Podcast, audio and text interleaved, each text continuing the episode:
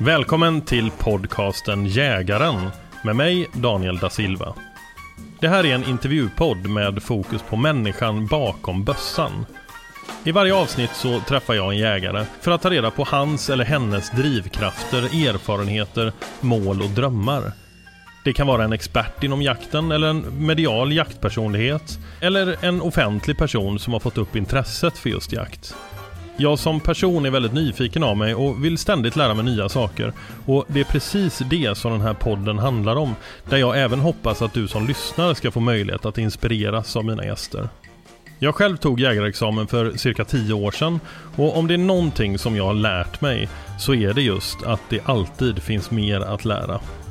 Om ni vill vara med och påverka poddens innehåll genom att till exempel föreslå gäster eller kanske ställa frågor till kommande gäster så gör du enklast det genom Instagram där du hittar mig som da Silva Hunting.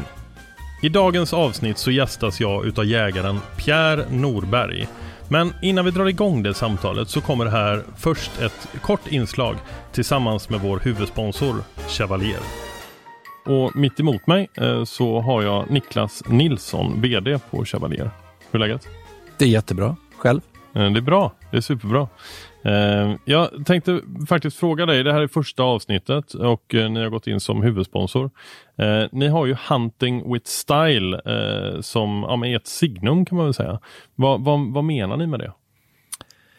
Ja, vi menar ganska ordagrant att vi vill ju göra väldigt bra funktionella kläder. Eh, och det är vi inte ensamma om på något vis. Men eh, vi vill också lägga den här extra twisten att du ska känna dig snygg i våra kläder och känna dig välklädd, rätt klädd till rätt tillfälle. Det är väl egentligen hunting with style. Oavsett var du är och jagar mm. så ska du kunna känna dig som att jag har rätt kläder på mig. Vad, vad lägger du i begreppet funktion? Funktion för oss är ju superviktigt och för mig personligen också. Jag hatar att frysa. Eh, för mig är det viktigt att det, kläderna håller tätt eh, mot vind och vatten. Mm. Sen får man ju då eh, fylla på med underlager efter den värme eller den, det klimatzonen som du är i just nu. Mm. Du jagar ju själv, det vet jag. Men jag har också hört att alla som jobbar här har tagit jägarexamen, stämmer det? Ja, eh, att jaga är ju en specialsport eller specialintresse. Och det är svårt, även om vi har superduktiga människor som jobbar med oss, som kan kläder, design eller marknadsföring eller vad det nu är, eh, så är det ett specialintresse och det är jättebra om alla kan det. Mm. Så ja, alla som jobbar hos oss har gjort eh, vid anställningen eller tidigare och tagit jägarexamen. Kul att höra. Det ska bli jättekul och ni kommer ju vara med här eh, i varje avsnitt eh, så kommer vi prata lite grann. Eh, eller så kommer jag prata med någon annan hos er. Eh, någon på design och liknande. Och sen så kommer faktiskt du och jag eh, ha en lång intervju också där vi ska fokusera på dig och, och ditt intresse för jakt. Det ser jag fram emot. Det gör jag också.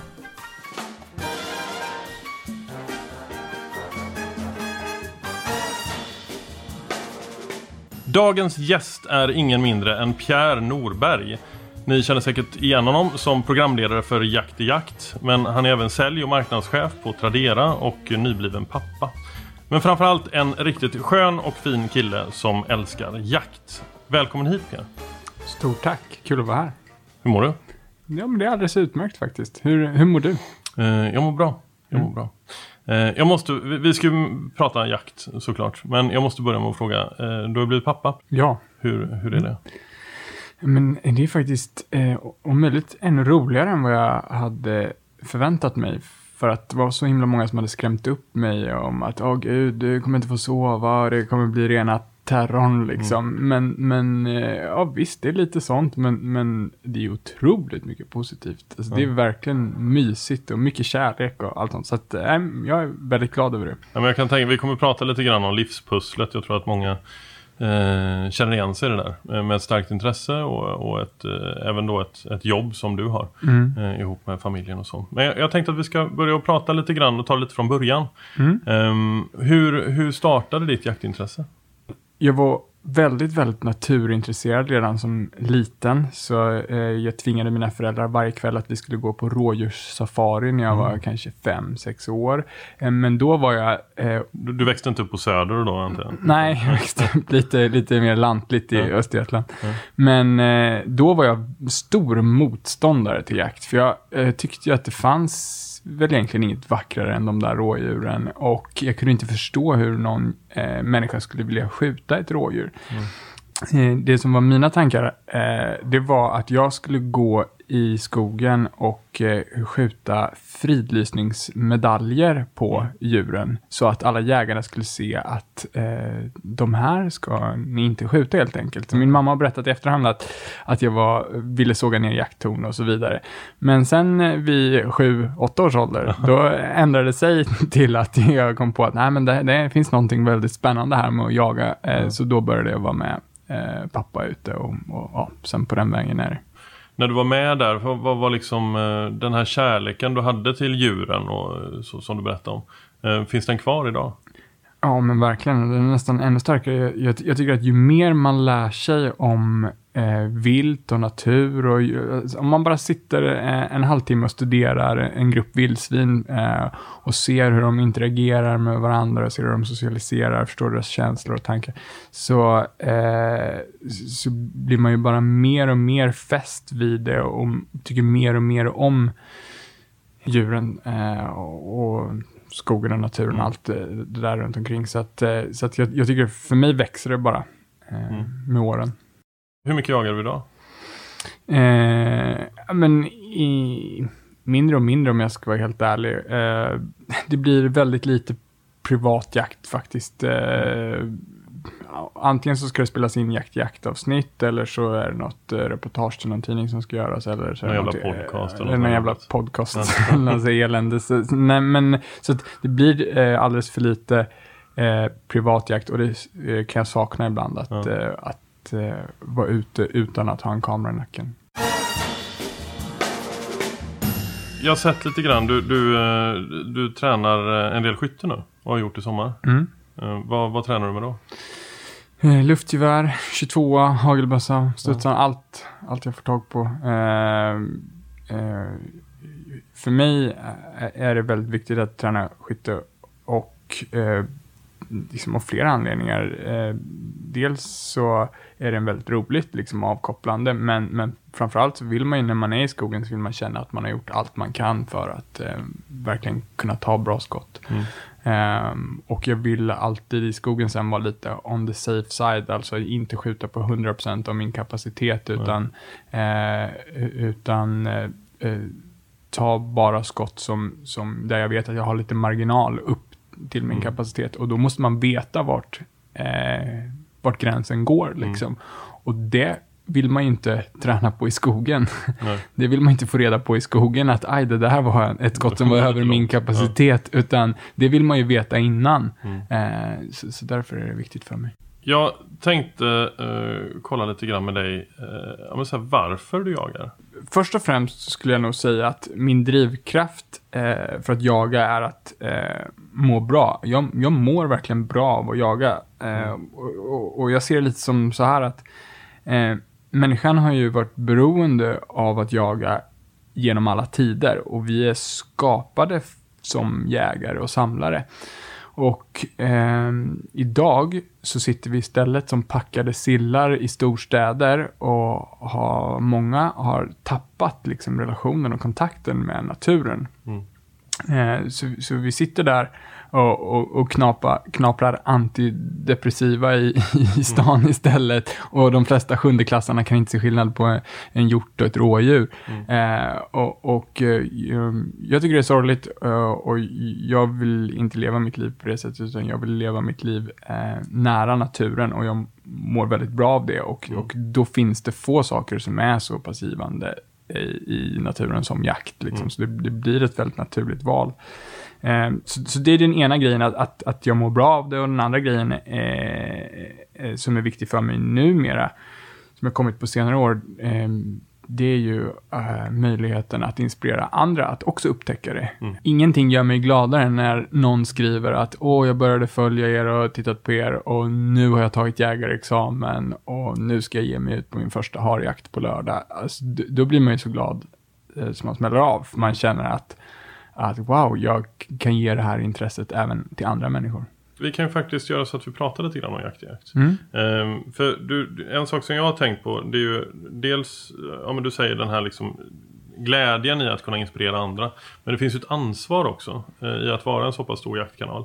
Jo, men precis. Och, och den vill man ju förmedla och vi är medvetna om att det är många eh, nya jägare i alla åldrar som, som, som eh, kollar eh, på jakt, jakt. Och där kommer ju aspekter som etik och, och eh, det kan ju ibland vara svårt att, att eh, få med allting i varje avsnitt för att varje avsnitt kanske klipps ner till eh, 15 minuter, men liksom vi var ute och jagade i fyra och en halv timme, så det hände väldigt mycket mer och så ska man försöka få med alla delar och alla avsnitt blir inte perfekta, men vi hoppas att om man tittar på liksom kanalen som helhet, att vi har liksom fått med eh, stor eh, eh, respekt för, för viltet och etik och, och de bitarna som, som jag verkligen personligen brinner otroligt mycket för att, att eh, förmedla.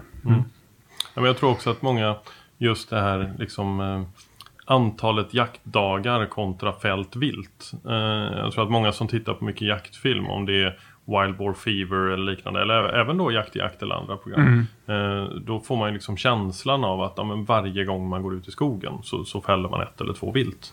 Eh, och så är det ju liksom inte för Nej. någon.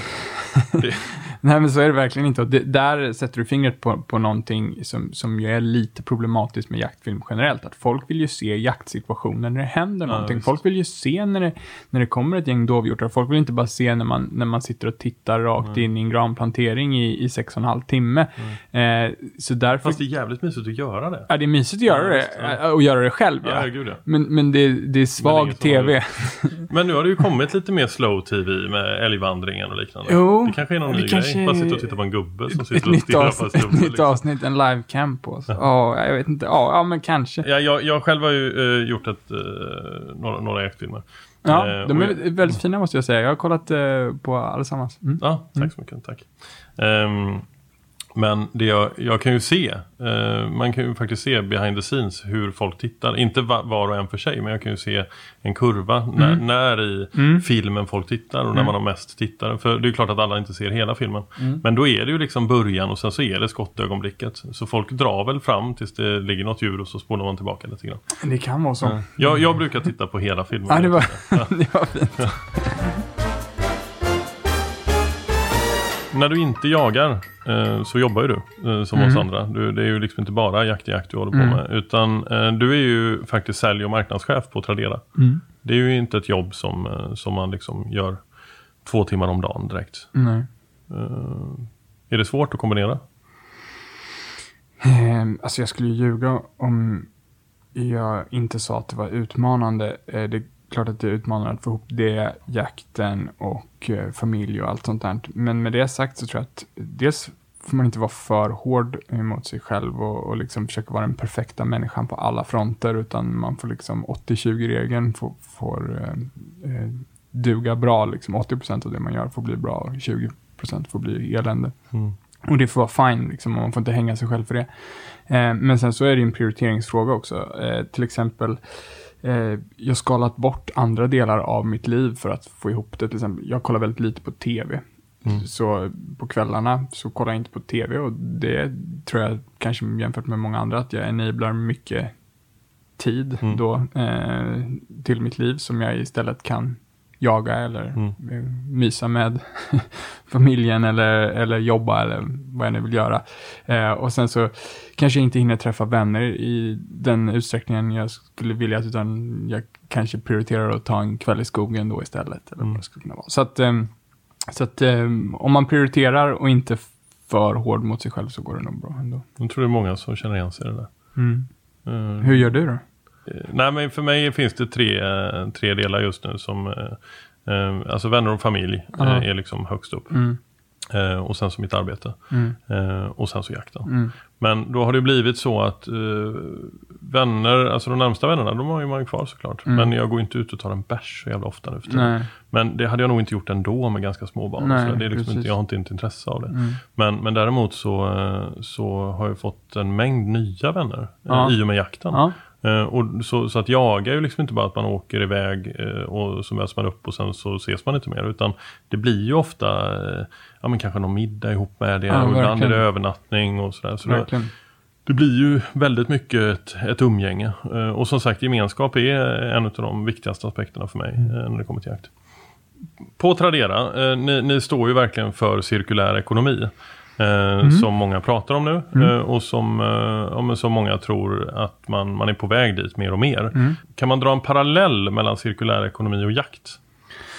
Ja, alltså det tycker jag verkligen. Eh, alltså eh, cirkulär ekonomi och att handla saker som re- redan finns och ta tillvara på saker och ting eh, istället för slit och släng är, är ju eh, samma förhållningssätt som jag gärna vill ha till skog och natur. Liksom att man, man eh, tar tillvara på det eh, som finns och de resurser som finns. Och för mig är det inte bara jakt, jag är ju tokig i eh, plocka svamp och eh, Fiska. fiska och eh, plocka bär och allting sånt. Så att jag, jag mm, på så sätt så, så är jag mycket neandertalare fortfarande Mm. och eh, ha- hade man bott på stenåldern så hade man velat bo i min by. Liksom, Mm. För jag, jag samlar in alla kantareller och så samlar jag in eh, en hare och, och tre abborrar. Liksom. Och, och för, för det jag tänkte i, i jaktsammanhang så begagnadmarknaden på, på jakt eh, är ju stor. Mm. Eh, där, där man inte alltid ser det. I, mång, i många branscher och liksom genrer sådär, eh, så känns det som att man ska köpa nytt. Men Mm. just inom jakt så finns det nästan något fint i att, att köpa något begagnat eller att ärva sin morfars gamla eh, liksom, hagelbrakare eller liknande. Ja, men visst. Ja, men, alltså, jag tycker det är fenomenalt alltså. Och, och särskilt just med, med eh, gamla bössor. Och det finns liksom ett affektionsvärde. Jag har själv en gammal eh, hagelbössa från min farfar. Och, och, och eh, jag tycker det är supermysigt att gå ut med den. Mm. Eh, en gammal side-by-side. Eh, och, och gå ut med den och känna att han också har gått Mm. med den. Det är liksom värdeförhöjande för mig. Jag har ju hellre den än en, en sprillans ny eh, dyr bössa så att Ja. säga. Vi måste bara prata lite om Mm. fiske. För jag, jag, jag, jag, jag älskar fiske. Mm. Men jag är ju, alltså jag får ju fan ingen fisk. Det är helt sjukt. Alltså, teori, te, i teorin så är jag jätteduktig. Alltså det är helt sjukt. Toppfiskare. liksom, nej, herregud. Men jag får ingen fisk. Va? Eh, det, det är liksom någon implanterad eh, regnbåge och lite sånt Ja. där såklart. Vad är det för typ av fiske som du, som du själv håller på med mest? Men ehm, jag fiskade jätte- jättemycket eh, när jag var yngre och tyckte det var superkul. Eh, och tycker fortfarande att det är kul. Men nu blir det inte liksom så här nördfisk längre. Förr kunde jag hålla på liksom och meta något eh, brax och sutare i fyra dagar för att försöka få svenska rekordet. Liksom. Det håller jag inte på med längre. Utan nu är det mer goda matfiskare. Jag gillar att fiska abborre och öring och, och röding. Och, Mm. Så det, jag är väldigt road av- det och jag tror att det hänger ihop med det som vi pratade om tidigare. Att, att samla mat, det är min grej. Lagar du mycket mat? Ja, ja. Ja. Mm, tycker det är kul. Mm. Verkligen. Jag är inte som eh, eh, de här topp eh, kockarna som verkligen trollar med, det eh, med, sjukt, med, alltså. med, med grejer. Men, men jag är väldigt road av det. Mm. Ja, men det, några gånger, jag lagar mycket mat eh, och har ett jätteintresse av det. Mm. Eh, Men det är ju verkligen på hobbynivå liksom. Mm. Men de gångerna som man faktiskt bjuder på en middag där nästan allting är Ja. liksom eget. Man har plockat eh, lingon alltså. och lagt in Ja, ja. och sen så har man liksom stekta kantareller och så Ja, har ja. man kanske någon, eh, Ja, någon, någon bit dov till det eller liknande. Det är skithäftigt alltså. Ja, det är- och lite sallad Det är perfekt alltså.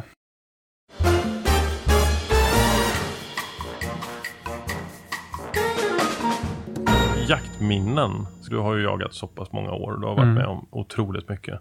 Men har du något sånt där liksom ditt bästa jaktminne?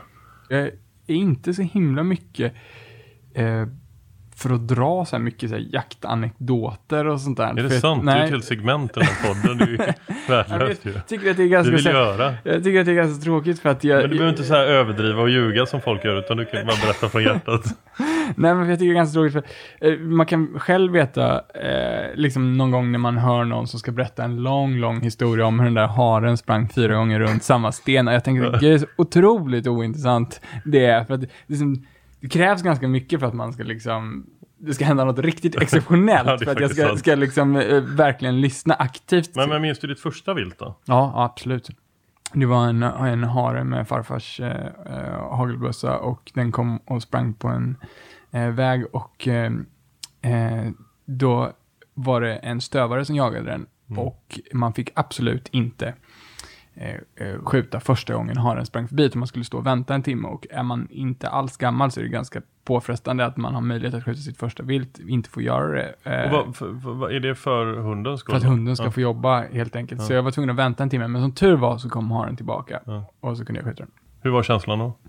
Blandad skulle jag säga. Jag var ju väldigt eh, lättad. Alltså glädje vet jag inte riktigt Nej. om jag kände så mycket, utan snarare lättad att allt hade gått bra och så. Och sen så lite ledsen för jag tyckte synd om haren. Känner du så fortfarande idag? Ja. Ja. Men det gör jag också. Jag tycker det är jobbigt att komma fram till viltet. Eh, Men precis i skottögonblicket så tycker jag inte det är jobbigt. Nej, nej, i och skottet, ja, nej, eh, i skottet eh, absolut inte, men, men eh, eh, efteråt. Det kan komma i bilen till Mm. exempel. Jag kommer ihåg någon gång när jag satt, jag hade tre hjortar i, i bakluckan. Eh, supersöta kalvar, du vet, som man pyschat i februari. Eh, och då, då grät jag i bilen hem. Mm. För att jag tyckte att det var så sorgligt. Jag tyckte de var så söta. Varför Mm. hade jag gjort sådär? Va, vad skulle du vilja säga? Vi har ju liksom pratat om jakt eh, utifrån ett väldigt mycket positivt perspektiv. Och det är inte så konstigt, det är därför vi håller på med det. Men, men vad skulle du vilja säga är de, eh, det sämsta med jakten? Eh, nej, jag skulle väl säga att det är just det, eh, kan låta paradoxalt, men, men det sämsta med jakten skulle jag nog säga att, att man behöver ta ett annat liv. Jag, jag har sagt några gånger att jakt vore den perfekta sysselsättningen om ingen behövde dö. Mm. Eh, och, och det finns någonting där i, som alltid skaver i mig, att jag tycker att det är synd att eh, någon annan kännande varelse Mm. dör eh, när jag är ute och jagar. Så, så, så det skaver lite. Mm. Eh, men jag menar om man, sen när man börjar tänka på alla rationella skäl, att liksom man, man skördar bara räntan i, i skogen och man eh, eh, kan inte ha hur stora stammar som helst och vi måste ju ha mat och det är mycket bättre än att åka och köpa eh, kyckling eller Mm. dansk eh, fläskfilé eh, och, och sådär så, så är det ju en självklarhet att man ändå ska göra det. Men, Mm. men, men det, den skaver lite i mig. Eh, Den tycker jag är lite jobbig. Och eh, den andra grejen skulle jag väl säga är ehm, eh, någonting som jag stör mig lite generellt på i jaktcommunityn är väl att det är ganska hård ton ibland jägare emellan. Eh, och eh, framförallt på sociala medier, så det kan få mig att liksom tappa lite lusten med jakten. Man ser på så Facebook-forum, någon kan vara en ung jägare som är glad över att den har skjutit sin eh, första bock eller någonting sånt där, lägger ut en bild och så kommenterar 14 besserwissrar att och den där borde ha fått gå tre år till, det där, och hur fan kan man skjuta eh, en sån ung bock som hade så lovande anlag? Alltså, det, det, blir- det blir för mig superledsamt när, Mm. när folk är så hårda mot varandra och elaka mot varandra kors och tvärs som jag tycker man kan se ganska ofta. Och just besserwissers inom jakt har, jag- har jag otroligt svårt för. De verkar finnas många där, mer än i någon annan community. Jag tror aldrig jag sett någon, alltså liksom om det är en, golf, en golfare som liksom eh, slår ett halvdåligt utslag så är det liksom ingen som skulle säga är du dum i huvudet eller vad fan har du gjort? Och liksom så här, alltså, liksom, det går inte att översätta till någon annan community som skulle vara lika hård och elak mot, eh, mot varandra. Men det, eh, jag håller helt med dig. Men jag antar att du har fått ta en del st- stötar liksom. Det är så vi människor funkar, att vi tar in de negativa kommentarerna. Om jag får hundra kommentarer som mig, åh gud vad kul, bra jobbat och sådär. Och så ser man en negativ kommentar där det står att Pierre är en riktig sopa. Mm. Så är det ju den man, man, man kommer ihåg. Det är ju en rätt hård kommentar i och för sig. Om man får, har du fått den? Bara Att- rakt, bara att- såga hela dig är som person. so- Ja, men det har jag fått. Är det sant? Ja, ja, ja, ja, det var folk som skrivit att eh, jag, ty jag tycker inte Pierre borde eh, synas på jaktfilm för han är så jävla dålig framför kameran och sådana grejer. det sant? Ja, ja, men det, ja, ja, det, det har jag sett. Liksom så. Men, men som sagt, sen så får jag ju så otroligt mycket Mm. positiva och eh, alltså kär, kärleksfulla kommentarer Ja. och folk som skriver eh, eh, privata meddelanden och verkligen tackar för så då blir man ju otroligt glad, men Mm. man kommer ju ihåg de där eh, riktiga elakingarna, de kommer man ju ihåg. Vad, vad skulle du säga är de bästa känslorna man kan ha inom jakten? Eh, ja, men för mig är de bästa känslorna när man verkligen känner att man är ett med naturen. Jag tycker det är stor skillnad när man jagar versus om man bara går en hundpromenad. För om man går en hundpromenad eller bara går och kollar med kikaren, då är man där som en åskådare. Liksom.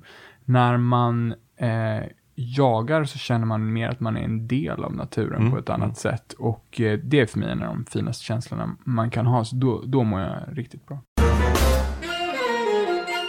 Jag tänkte vi måste prata lite. Jag själv tycker prylar är lite kul. Mm. Eh, och det, jag, jag tror att det är en ganska stor drivkraft hos många i, Mm. i jakten. Det är inte min största drivkraft. Men jag måste fråga vad du har i ditt vapenskåp.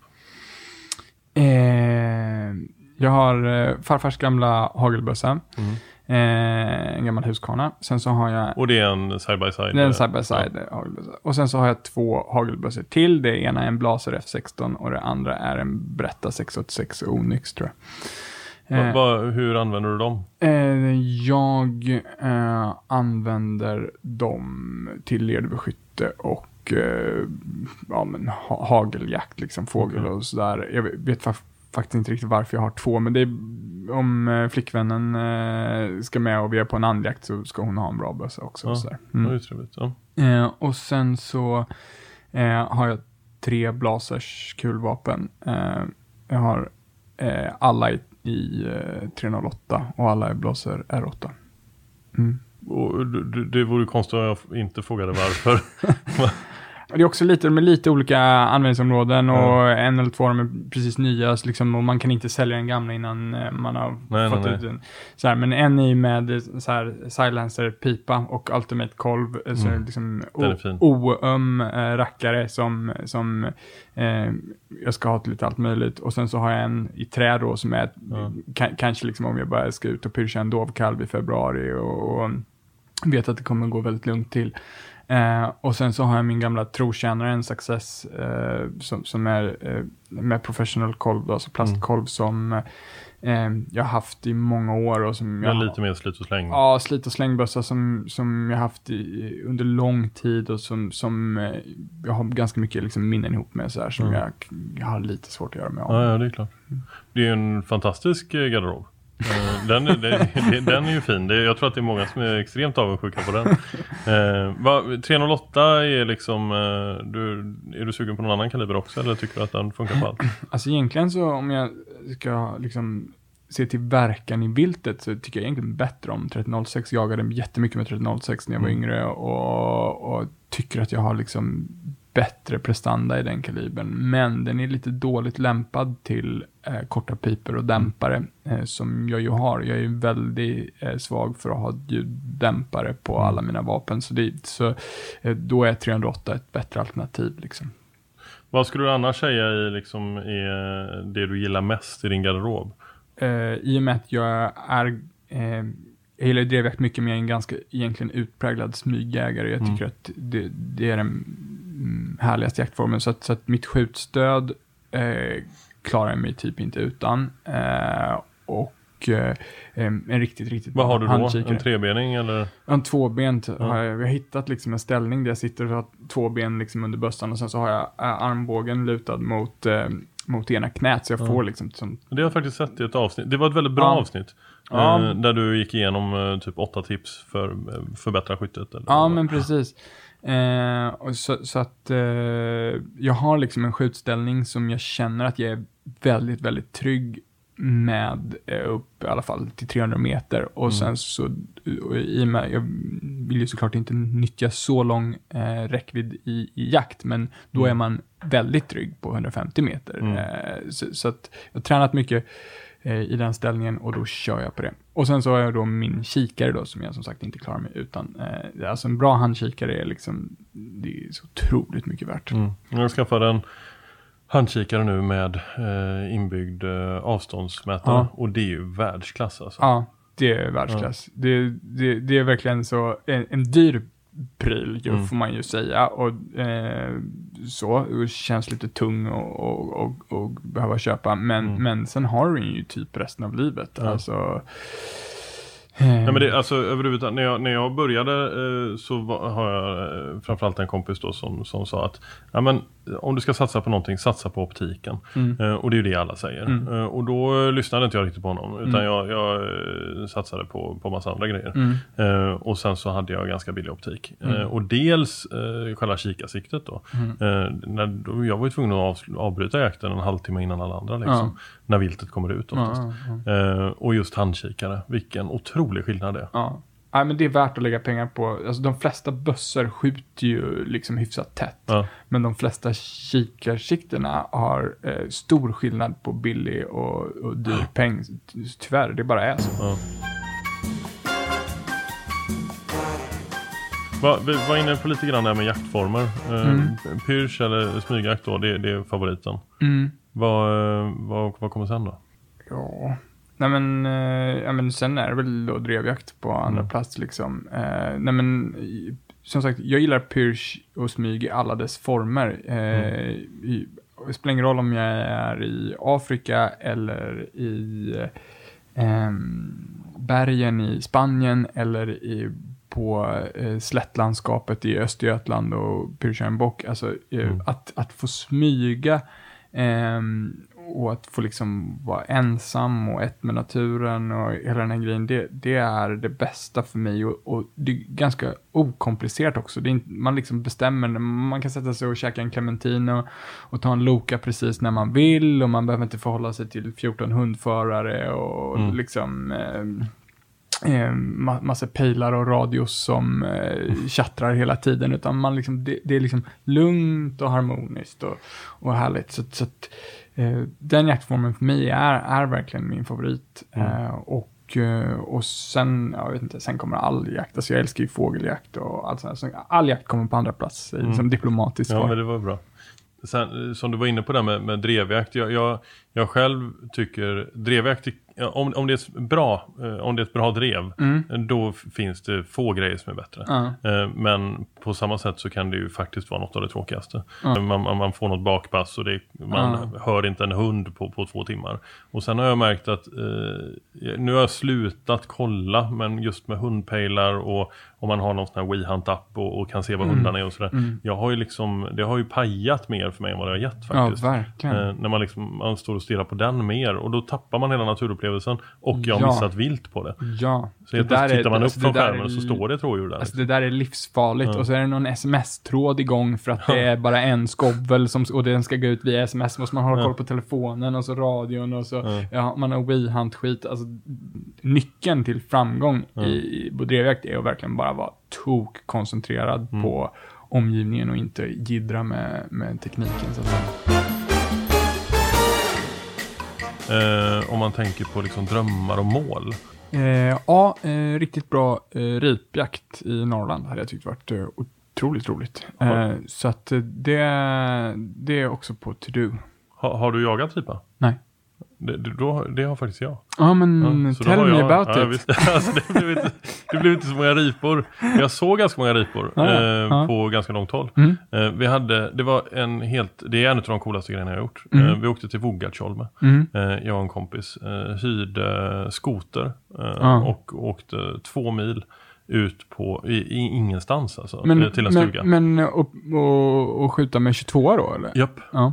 Sen är jag inte van att vara i liksom fjällvärlden på skidor. Eh, Så jag var rätt orolig hela tiden. Eh, Utan jag var liksom, det- det kom sån här vråldimma liksom. ja. Eh, Och så tappade jag bort min polare och sen så var jag bara rädd liksom. Och då var du 45 minuter. orolig att liksom det skulle bli på löpet nästa dag Let's Dance-deltagare död i, i, i, i snöstorm. med, med ripa mellan tänderna. Liksom. Eh, men, äh, men så det blev faktiskt inte, på, på, på fem dagar då så, så eh, lyckades vi fälla en ripa. Men det var liksom inte därför det du som vi var där. Nej, det är Nej. därför jag säger vi. Det var inte jag, utan det var min vän Jakob. Men, ehm, men det, någonstans så spelar inte det så stor roll. Nej, nej. Och framförallt inte nu i efterhand. Mm. För det, var- det är liksom inte bara därför man jagar. Nej. Men det är klart att jag hade liksom inte blivit sämre om jag lyckades fälla en ripa eller två. Eh, och speciellt inte med den här liksom känslan innan när man såg att eh, så, här, men det är åtta om dagen som är max. Jaha, är det bara åtta? Mm. Så, så, så var det så jävla kontrast mot hur det blev då. Men, eh, men med lite bättre väder och eh, ännu mer träning och bättre kondition så Mm. tror, jag, tror jag på det. Ja, men men jag kan suger. verkligen rekommendera det. Ja, men vi, vi drar ihop då. Alltså, för jag har haft verkligen. massa förslag. Får vi köra en livepodd från, från toppen. Ja, precis. Vi Ja. sitter där i någon snöstorm. Ja. den sista podden. ja sista, sista på. Ja, det är bra. Om vi ska avsluta lite grann så tänkte jag, vad, vad, har, vad står på agendan nu?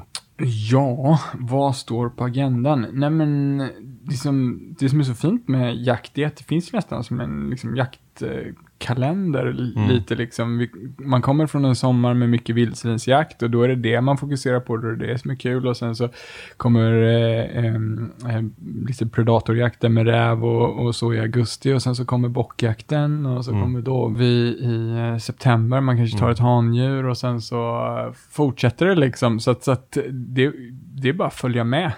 och det är det som står på agendan för mig, att bara följa med i, i, i, liksom, jaktens eh, schema här framöver och försöka hinna med så många roliga saker som möjligt. Jag kan tänka mig att 16 augusti är en, ett speciellt datum för dig. Ehm, absolut. Eh, jag jagade väldigt, väldigt mycket bock när jag var liten. Mm. Sen så s- nästan tröttnade jag lite, så Mm. sköt jag inte en bock alls på flera år. Liksom. Eh, och ägnade mig åt annan typ av jakt istället. Har, har du jagat vårbock? Mm, mm. Va, finns det någon skillnad tycker du i hur, förutom kanske om brunsten finns kvar i augusti då så att man kan locka. Men eh, finns det någon skillnad i hur du agerar när du, när du är ute och pyrschjagar efter en, liksom, en bock i maj än i augusti? Nej, men eh, ingen större skillnad egentligen för mig, utan eh, eh, det är väl som jag möjligtvis kan tänka lite på ibland, det är att jag har lite svårt för att skjuta bort någon riktigt fin bock Mm. på våren, för jag vill så gärna att den ska få vara med eh, och brunsta sen. Mm. Eh, det känns som att det är så nära till brunsten, så man vill inte skjuta den, så det är bättre att den får vara med och brunsta ett år, så Mm. kan man ta den i. Och där, där, där, nu, nu eh, måste bara prata lite om det, för det, det finns ju så mycket som, som du var inne på innan med vissa Facebook-forum och liknande där man, där man då kan liksom bli eh, liksom eh, ihjälhuggen för att man har eh, skjutit fel bock eller vad det nu kan vara. Och för väldigt många som är nya så är det svårt alltså. Det, det är ju Ja. inte lätt att avgöra om det här är en returare eller inte. Eh, utan det där kommer väl väldigt mycket med erfarenhet. Ja men verkligen och ehm, jakt är ju, det finns ju så otroligt många oskrivna regler och eh, jag menar nu pratar vi om viltförvaltningen, alltså vilka djur som ska skjutas, Ja. men det finns så mycket annat runt omkring, eh, en massa oskrivna regler. ehm, som ju är svåra att lära sig om man är ny inom jakt. Och det finns så många ställen att trampa fel eh, på. Det där är, alltså om jag skulle ge en rekommendation till, eh, till nya ägare där ute så är det att våga fråga. Ja. Eh, Och jag gör det själv. Ja. Och ibland så känner jag så här, det här kanske är en dum fråga. Mm. Men det uppfattas faktiskt aldrig som en dum fråga. Nej. Utan folk är otroligt hjälpsamma. Ja. Och jag har som sagt min, eh, min Ove. Eh, som, eh, Han verkar som härlig. liksom- Jag vill också, en, jag vill också ha en Ove. Eh, han kallas faktiskt för kungen. Mm. Kung Ove. Mm. Eh, han påstår att han har något blått blod i sig från sen tillbaka, jag vet inte. Men han agerar som en kung i alla fall. Han är liksom kungen i Åmål som hjälper alla så fort det är någonting. Men det är fortfarande liksom i vissa situationer när man väl sitter där i skogen Mm. så är det ju inte lätt alltså. Nej. Men och, och, jag måste bara säga att det där slutar ju aldrig. Eh, nu i februari så eh, skulle jag pyrscha en, eh, en do- dovskovel och vill ta en, en, eh, en hjort på retur. Och jag hade sett ut en och bedömt och en eh, kille som jag känner som är, alltså han, måste vara den i Sverige som har liksom sett flest dovskovlar och liksom, han har supererfarenhet. Han hade också sagt att ja, men det där är rätt gjort. Jag skjuter den, kommer fram och så visar det att det, eh, det är en bra eh, fyraåring. Eh, Och såg du direkt när du kom fram eller var det på tänder eller hur? Vi såg, ko- kollade tänderna. Ja. Eh, och det, det, liksom, det går aldrig över. Alltså det spelar ingen roll Nej. hur många jaktdagar man har. Man eh, kan göra eh, tok som man inte har tänkt sig Nej. eh, ändå. Liksom. Det, det går aldrig över. Jag var på en jakt en gång och så eh, en drevjakt eh, och då var det eh, var älg tillåtet. En älgko och då, då sa de att älgen ska helst vara 10 till 11 år. Och då var det liksom inga följdfrågor på det och jag var helt ny så jag kände att jag, jag tror inte jag skjuter älg idag. Men för jag vet inte riktigt hur man eh, ser att en älg, om en älg är 8 eller 10 år på en men ko. det, liksom. alltså, det är det löjligaste jag hört. Alltså. Alltså, i- och i jakt, alltså, det är klart att om man har en, liksom en halvtimme på sig och så kan sitta och titta och, och den går på Om ett den är gärde. verbal och man kan fråga liksom. Men precis, då, Ja. det är klart att då är det en annan grej. Men jag menar, på, på en, på en drevjakt och liksom det kommer en, en, ett hondjur på 70 Mm. meter. Det är svårt att Ja, avgöra. det är tufft. Ja. Men, och, och vildsvin, där, och där är ju, där är ju extremt viktigt. För det, det sista Mm. jag skulle... Alltså för, jag, jag är så... Jag håller ju inne med skott jätteofta. Mm. eh, För att jag inte vet. Ja. Och det är, jag liksom, det är jag glad för och jag Mm. märker att jag kan liksom... Jag, jag lär mig mer och mer och därför Mm. blir det enklare och enklare för mig. Eh, Men just vildsvin har jag inte så mycket erfarenhet av. Eh. Och alltså jag har pluggat på. Eh, Ja. Jag liksom pausar filmer, jag försöker själv lista ut vad det är för något innan de kanske säger det i filmen eller liknande. Mm. Och jag har svårt alltså. Mm. Och, och, och rädslan av att det skulle vara en spendragen sugga är stor liksom. Mm. Det, det, det får inte hända. Mm. Men, eh, men att, eh, att på drevjakt då, jag har haft stora galtar som jag har bedömt vara galtar. Mm. Eh, som, har, som har sprungit förbi mig och som jag har liksom haft i kikarsiktet. Mm. Men jag har inte vågat trycka av för att jag varit rädd att det var en sugga. Ja, men det, det, det, för det första en eloge för att det är sunt. eh, eh, stora svarta grisar på drevjakt är svårt. Liksom. Mm. Svårt även för erfarna jägare. Särskilt på ett hygge. Liksom. Det, är lite, det är svårt att se buklinjen. Det är klart att det är lätt om man ser att den är jättespendragen. Mm. Liksom. Det, det, som, det kan komma många gränsfall och då, då, då är det bättre att och, eh, att hålla inne. För Men att man- hjärnan om ska man lära sig på typ kalibrera. Wild Boar Fever. Och, Mm. och liksom, nu, nu vet jag om att det är liksom eh, också många dagar de klipper ihop och, och sådär. Men det är ju otroligt snabba sekvenser. Mm. Hinner de se? Eller är det liksom lite chansartat ibland? Vad tror du? Nej men i- i- jag tror nog att de klipper bort några eh, suggor som stryker med i Wild Boar Fever, skulle jag gissa. Ja. Eh, det, det, sk- det skulle jag nog gissa, Ja. lite beroende på. Sen om man ska just prata Wild Boar Fever, Frans verkar ju vara otroligt, och jag har vänner som har jagat med honom och Mm. de säger att han är otroligt duktig på att se det. Men då ska man tänka att han gör ju typ inget annat. Nej. Alltså han åker ju bara runt och jagar massa bra Han, vildsvinsjakter. han känns som en dude som har ett gött liv. Ja, men han, det, Ja, det och verkar... Väldigt ödmjuk och, Ja, och liksom, ja, men han är, han är ju, han är ju super liksom. Och, och, så han är nog väldigt, väldigt duktig på att se skillnad. Jag menar, det, det är inte konstigt om du skulle vara ute varje eh, dag och, Mm. och, och då skulle du också ha en helt grym känsla. Det är bara att han har sett en miljon mer vildsvin Mm. än vad du har gjort. Liksom, Det, det Hade du tyckt det var kul att jaga med honom? Mm, verkligen. Ja. Så jag, om, om, vi ska, om, han, om han ringer och vill jaga ripa med dig så tar du honom före mig då. Så jag, jag får liksom vara... Nej, men då åker, Snabb vi, på då det. åker vi alla tre. Åh, det är. Jag, du och Frans. det har ja. varit Ja, det är fint. bra semester. Vi kanske ska slänga in Ove också. Ja, Ove Ja. ska med. Kungen. Det är en kvartett som räknar verkar jag säga. Eh, ja men då har vi ju två med blått blod också. Både, både. Du har inte det? Nej, inte vad ja, jag då är det vet. bara två. Då är det bara Ove och Frans. Ja. Vad, vad härligt att få prata med dig. Ja, men detsamma. Det var supertrevligt. Tack för att du har öppnat upp det. Jag hoppas att eh, du som har lyssnat på detta eh, har lärt dig lika mycket utav Pierre som jag har gjort. Tack Pierre. Tack. Tack för att du kom.